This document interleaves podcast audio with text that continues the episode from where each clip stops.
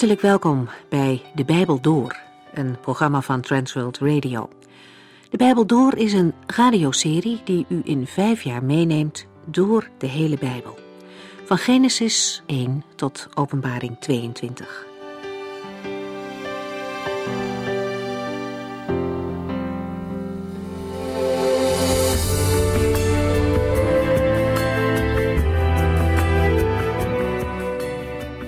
Lezen verder in twee kronieken.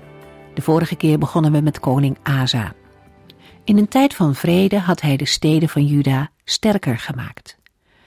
Toen er een aanval kwam van de Cusieten, riep hij het uit naar God. Hij wist dat de Heere hen de overwinning kon geven, ook al stonden ze er menselijkerwijs heel slecht voor. Het geheim van de overwinning, ook in onze geestelijke strijd, ligt nooit in eigen kracht. Het geheim, dat zit in vertrouwen op de Almachtige God. Asa zag de vijand, maar daarboven zag hij God. Zijn geloof werd niet beschaamd, hij behaalde een geweldige overwinning. Dan komt de profeet van de Heere hem bemoedigen om niet te verslappen, maar om door te gaan met het werk van God. Al zijn werk zal niet voor niets zijn. Asa begint dan met het herstel van de eredienst. Hij doet alles weg wat met afgoderij te maken heeft en vernieuwt het altaar voor de Heere. Hij en zijn volk maken opnieuw de keuze om met de Heere verder te gaan, om Hem met hart en ziel te vertrouwen, om te leven voor God en Hem eer en aanbidding te brengen. Asa breekt daarom zelfs met zijn eigen moeder, die een groot afgodsbeeld had gemaakt. En toch zagen we in het vervolg ook een andere kant van Asa. Vertrouwen en leven met God is iets om vast te houden. In hoofdstuk 16 trok de koning van Israël weer op tegen Asa. En deze keer zoekt Asa helaas niet de hulp van God, maar hij gaat naar de koning van Syrië. In eerste instantie lijkt het goed af te lopen, maar de profeet die God stuurt laat zien hoe God deze situatie beziet. Hij herinnert Asa aan de eerdere overwinningen over grotere tegenstanders, die tot stand kwamen omdat Asa op de Heere vertrouwde. De ogen van God gaan voortdurend over de hele aarde om krachtige hulp te bieden aan mensen die hem met hun hele hart zijn toegewijd. Asa ging zijn eigen gang en miste daardoor die hulp. Het gevolg is dat er steeds weer oorlog in zijn rijk zal zijn. Asa wil niet luisteren en hij zet de profeet gevangen. Hij wordt ziek, maar zelfs dan zoekt hij geen hulp bij de Heere. En uiteindelijk sterft Asa.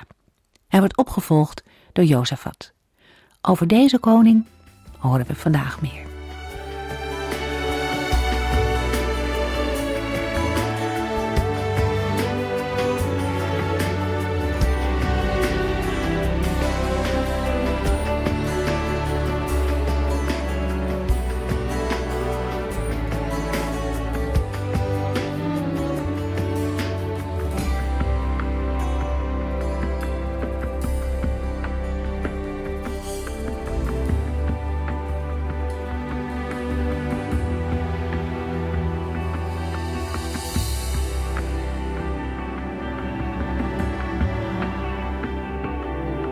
De volgende uitzendingen zijn gewijd aan de regering van koning Jozefat van Juda. Jozefats regering vormt een illustratie van het principe van beloning en vergelding, dat in de Bijbelboeken Kronieken een belangrijke rol speelt. Jozefat besteedt bijzondere aandacht aan de wetten van de Here en de organisatie van de rechtspraak. 2 Kronieken 17 vers 10 tot en met 12. De angst voor de Heere kreeg alle omringende koninkrijken in zijn greep, zodat niemand het in zijn hoofd haalde koning Jozefat de oorlog te verklaren. Zelfs enkele Filistijnen brachten hem geschenken naast de jaarlijkse belastingen, en de Arabieren schonken hem 7700 rammen en 7700 bokken. Op die manier werd koning Jozefat erg machtig en hij bouwde forten en voorraadsteden door heel Juda. Met Arabieren zijn nomadenstammen bedoeld die leven in de woestijn ten zuiden van Juda. Langzaam maar zeker bereikt Jozefat het hoogtepunt van zijn macht. Hij bouwt vestingen en voorraadsteden in Juda, waar hij rijke voorraden aanlegt. De opwekking in Juda werkt door tot in het buitenland. Er wordt geen oorlog meer gevoerd tegen Jozefat. Geestelijke opwekking is een geneesmiddel tegen oorlog. Als een volk vrede wil hebben, moet het zich tot de Here keren. 2 Kronieken 17 vers 13 Hij beschikte in deze steden over grote voorraden en in Jeruzalem, zijn hoofdstad, was een groot leger gestationeerd. In Jeruzalem legert Jozefat een sterk leger. Het leger bestaat uit vijf garnizoenen, die in de versen 14 tot en met 18 worden opgezomd, waarbij telkens de namen van de bevelhebbers worden genoemd. De garnizoenen zijn ingedeeld naar afkomst. Het grote aantal soldaten in Jozefats leger, ongeveer driemaal zo groot als dat van Abia, illustreert de grote macht van Jozefat. 2 Kronieken 17 vers 19 Dat waren de troepen die in Jeruzalem waren gelegerd. Daarbij kwamen dan nog eens alle troepen die in de versterkte steden overal in het land lagen. Heel deze legermacht staat in Jeruzalem de koning ter beschikking, terwijl er daarnaast bovendien nog garnizoenen gelegerd zijn in de vestingsteden van het twee-stammenrijk. Jozefats macht is dan ook geklommen tot ongekende hoogte. 2 Kronieken 17 getuigt van de rijke zegen die Jozefat over zijn koningschap ervaart. De plaatsing van Jozefats geestelijke programma in het midden van het hoofdstuk geeft aan waaraan hij de zegen te danken heeft, namelijk aan zijn trouw aan de wet van de Heere. Zo sluit de boodschap van dit hoofdstuk aan bij de terugkerende thematiek in Kronieken. Wie de Heere dient, wordt door hem gezegend. Zo wil 2 Kronieken 17 de lezers aanzetten zich aan de Heere toe te wijden. Hoe is het met uw toewijding, luisteraar? 2 Kronieken 18 vers 1 De rijke en populaire koning Jozefat van Juda sloot echter een huwelijksovereenkomst voor zijn zoon met de dochter van koning Agab van Israël. De tekst van 2 Kronieken 18 komt overeen met 1 Koningen 22. Er is één belangrijk verschil. In 1 Koningen staan de gebeurtenissen in de context van de regering van koning Agab en in 2 Kronieken 18 met die van koning Jozefat. Als Jozefat rijkdom en eer vergaard heeft, verbindt hij zich door een huwelijkssluiting aan het huis van Agab, de koning van het tienstammenrijk. Het huwelijk zal, naar gebruik in het oude nabije oosten, de bekrachtiging zijn geweest van een vredesverdrag tussen de beide koningen. Het huwelijk en het verdrag tussen Agab en Jozefat verklaren waarom de koningen, na een zo lange vijandschap tussen de beide koninkrijken, nu eensgezind optrekken. 2 Kronieken 18 vers 2 Enige jaren later ging hij naar Samaria om koning Agab een bezoek te brengen. Koning Agab gaf een groot feest voor hem en zijn gezelschap en slachtte grote aantallen schapen en ossen voor de feestmaaltijd. Daarna vroeg hij koning Jozefat of die er wat voor voelde samen met hem de strijd aan te binden tegen Ramoth in Gilead. Enkele jaren nadat het vredesverdrag gesloten is, bezoekt Jozefat Agab in Samaria. Agab verwelkomt hem en zijn gevolg hartelijk en richt een koninklijk banket voor hem aan. Met het banket wil Agab Jozefat overhalen met hem op te trekken naar Ramoth in Gilead.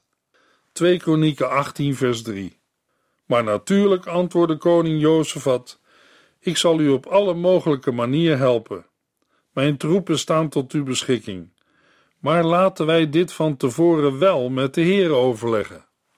Koning Agab ontbood zijn 400 profeten en vroeg hun: Moeten wij Ramoth in Gilead de oorlog verklaren of niet?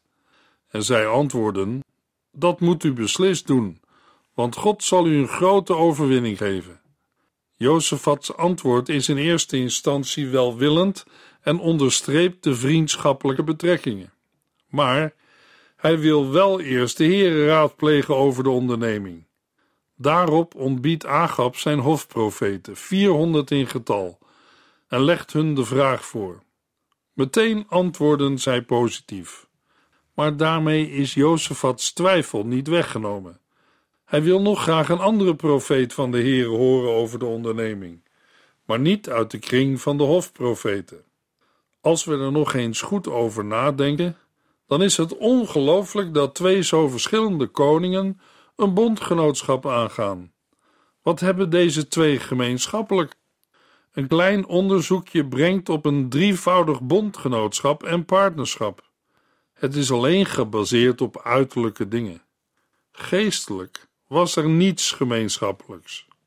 Het eerste wat we noemen is een huwelijksverbond. Joram, de zoon van Jozefat, trouwde met Atalja, de dochter van Agab en Izebel. Deze Atalja was een vrouw van bloed die in de wegen van haar ouders ging. We hebben dat al gelezen in het Bijbelboek Koningen. Ik veronderstel dat de beide koningen dachten dat ze de betrekkingen tussen Juda en Israël konden verstevigen en mogelijk een ongedeeld koninkrijk tot stand konden brengen. Maar wat ze deden was verkeerd.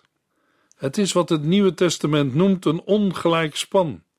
2 Korintiërs 6 vers 14 Verbind u niet met mensen die niet van de Here houden. Wat hebben recht en slechtheid met elkaar te maken? Een eerlijke bezinning op deze opdracht is ook vandaag dringend nodig.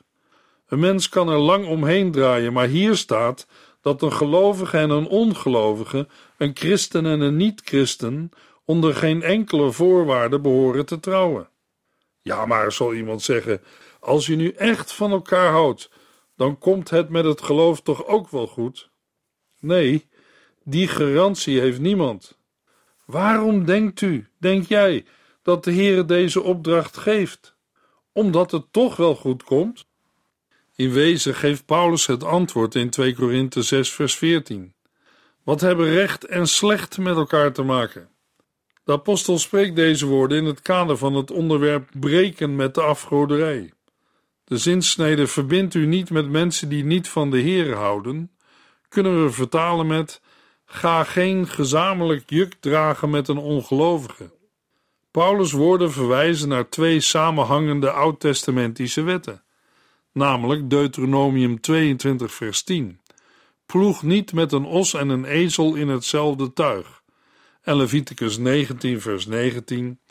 Laat van uw vee niet verschillende soorten met elkaar paren. Juist in de laatste aanhaling gebruikt de Bijbel een woord dat letterlijk betekent een andersoortig juk dragend.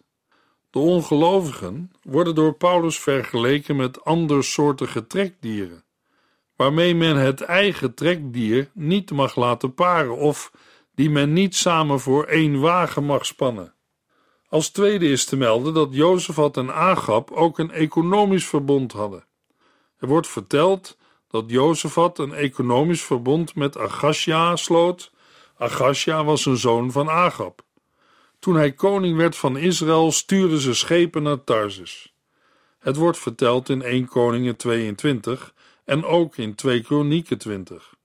De schepen vervoerden graan en goud.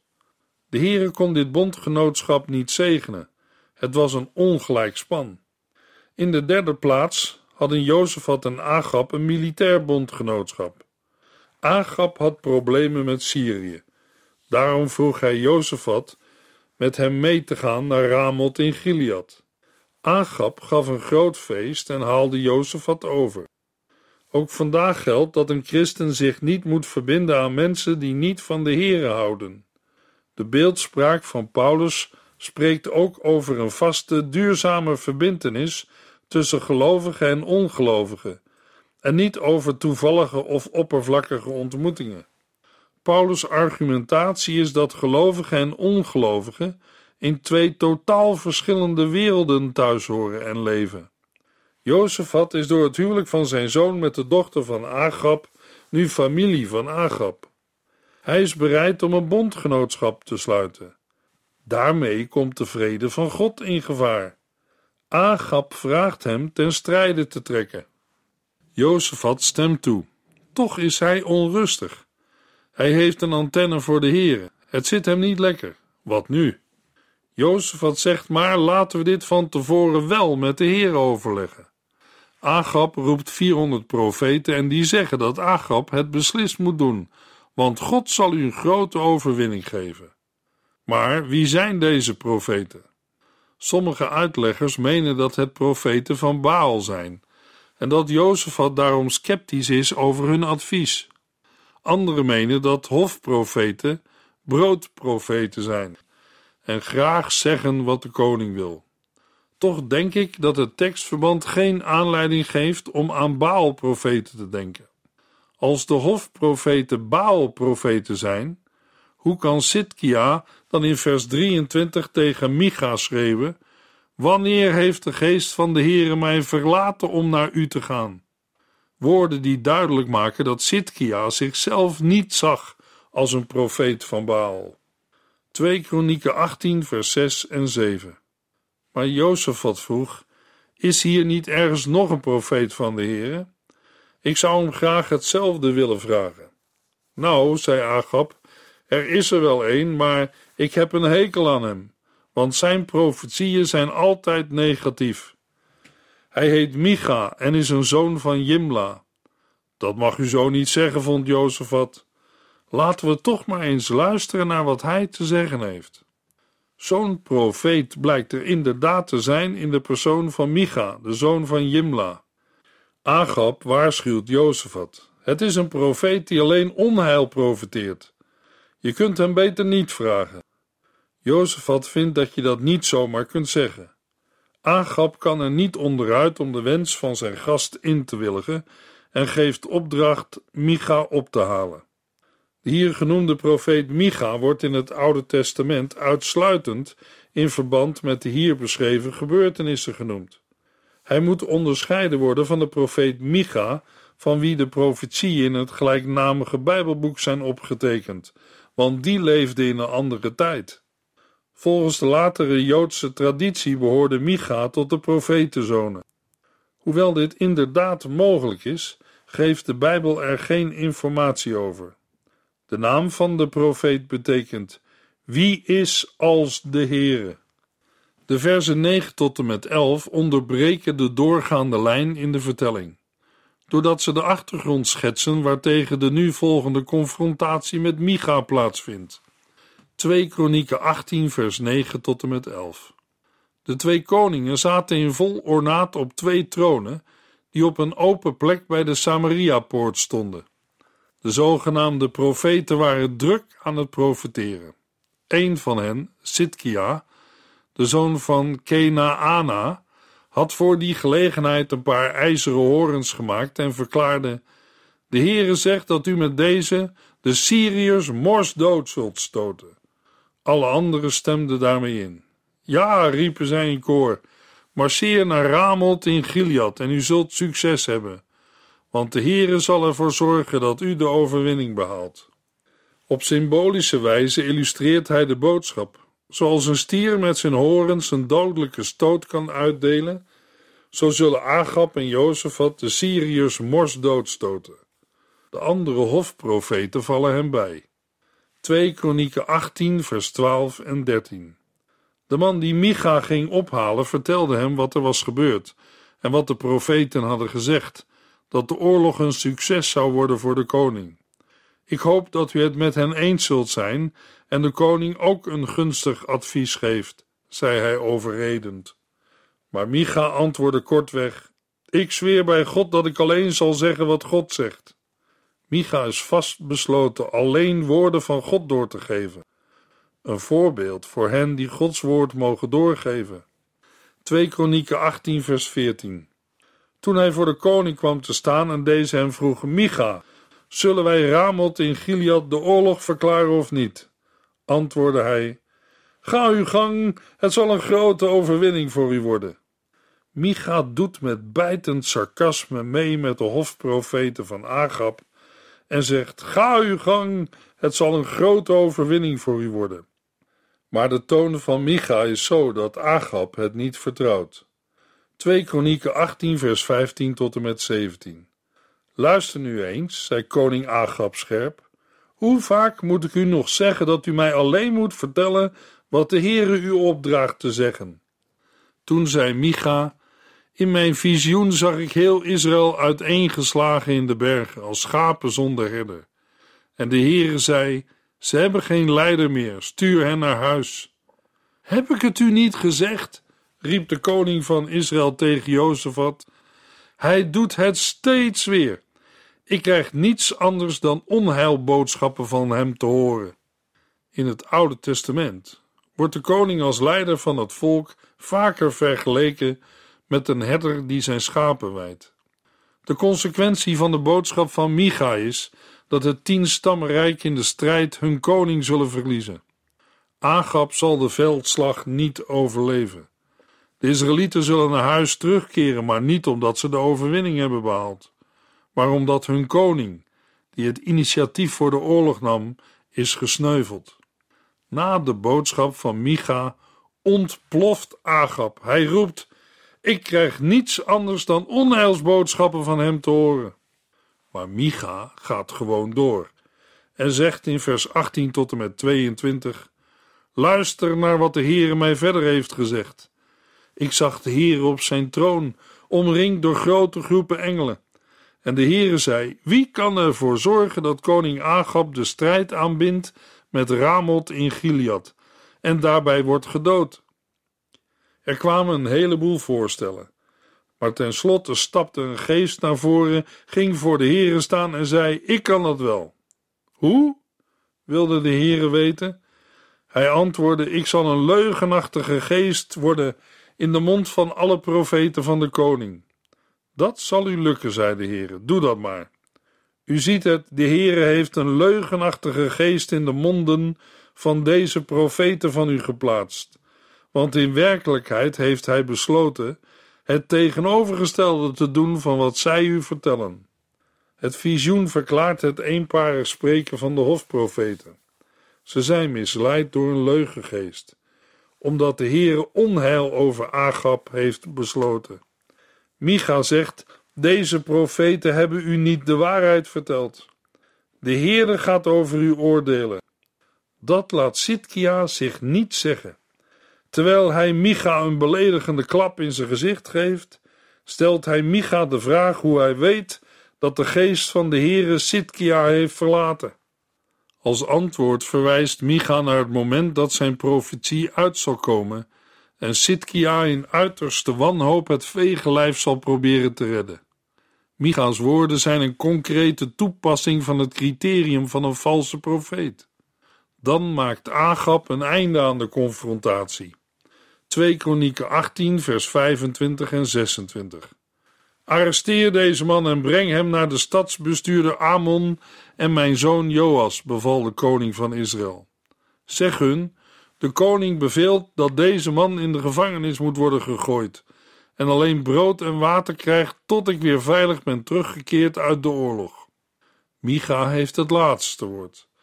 2 Kronieken 18 vers 27 Waarop Micha zei: Als u veilig terugkeert, heeft de Heere niet door mij gesproken. Zich omdraaiend naar de mensen die om hem heen stonden, zei hij: Onthoud goed wat ik heb gezegd. De confrontatie tussen Micha en de hofprofeten staat niet op zichzelf. Ook op andere plaatsen in het Oude Testament vinden we confrontaties tussen profeten van de Heere en valse profeten. In het Nieuwe Testament krijgt de christelijke gemeente de opdracht profetieën niet voetstoots aan te nemen, maar deze te toetsen. 2 Kronieken 18 vers 28 tot en met 31 Enige tijd later gaven de koningen van Israël en Juda hun legers opdracht op te trekken naar Ramoth in Gilead. De koning van Israël zei tegen Jozefat: Ik zal me vermommen, zodat niemand me herkent. Maar u kunt het beste uw koninklijke gewaad aanhouden. En zo gebeurde het. De koning van Syrië had de aanvoerders van zijn strijdwagens intussen opdracht gegeven uitsluitend tegen de koning van Israël te vechten. Toen de Syrische soldaten in de strijdwagens koning Jozefat in zijn koninklijke kleding ontdekten, gingen zij op hem af. Ze dachten dat hij de man was die ze moesten hebben. Maar Jozefat riep tot de Heer om redding, en daarom zorgde de Heer ervoor dat de mannen in de strijdwagens hun vergissing inzagen en hem verder met rust lieten. De enige reden waarom Jozefat het er levend van afbracht, was omdat de Heere tussen beiden kwam. Weet u, luisteraar, dat geldt voor iedere gelovige. Ik ben gered omdat de Heere in Christus tussen beiden is gekomen. Geprezen zij de Heere tot in eeuwigheid. In vers 29 hebben we gelezen dat Agab denkt slim te zijn door zich te vermommen. Maar niemand kan aan de Heere ontkomen. 2 Kronieken 18 vers 33 en 34 Maar een van de Syrische soldaten schoot op goed geluk een pijl naar de Israëlitische troepen. Daarmee raakte hij de koning van Israël in een opening tussen twee stukken van zijn wapenrusting, net onder zijn borstpanzer. Haal me hier weg, kreunde hij tegen zijn wagenmenner. Ik ben gewond. De gevechten werden in de loop van de dag steeds heviger en koning Agab ging terug naar het slagveld om de Syriërs te bestrijden. Hij hield zich met moeite staande in zijn strijdwagen. Maar toen de zon onderging, stierf hij. Het woord van de Heere door Micha gesproken is uitgekomen. 2 Kronieken 19 vers 1 en 2 Koning Jozefat keerde heel huids terug naar huis, waar de profeet Jehu, de zoon van Ganani, hem opwachtte.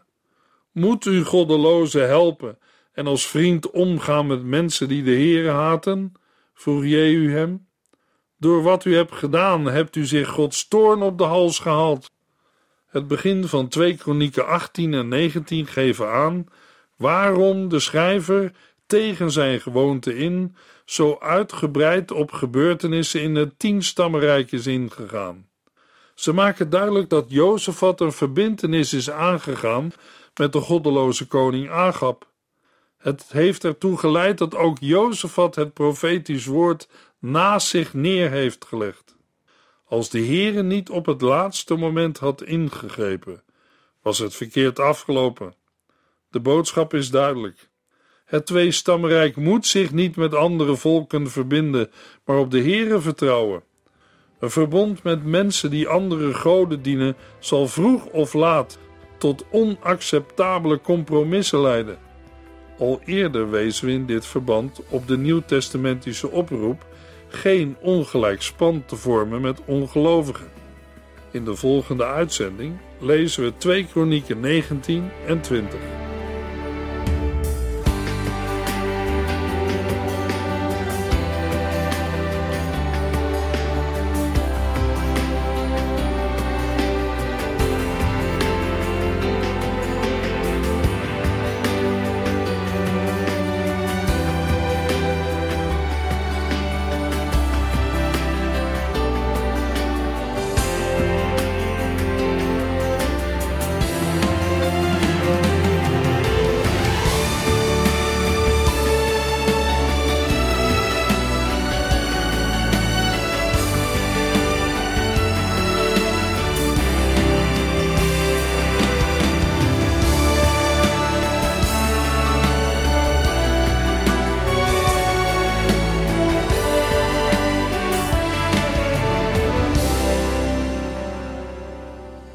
Geluisterd naar De Bijbel Door. In het Nederlands vertaald en bewerkt door Transworld Radio. Een programma waarin we in vijf jaar tijd de hele Bijbel doorgaan. Als u wilt reageren op deze uitzending of u heeft vragen, dan kunt u contact met ons opnemen. Tijdens kantooruren kunt u bellen op 0342 47 8432. 0342 47 8432. 32. Ook kunt u een e-mail sturen naar de Bijbel door transworldradio.nl en natuurlijk kunt u ook via de post ons bereiken. TWR, postbus 371, postcode 3770, AJ in Barneveld. Dit programma werd gepresenteerd door Cor Weda en Ike André. Techniek was in handen van Odin van Woerdekom. En wij allemaal bedanken u voor het luisteren. Graag tot de volgende keer.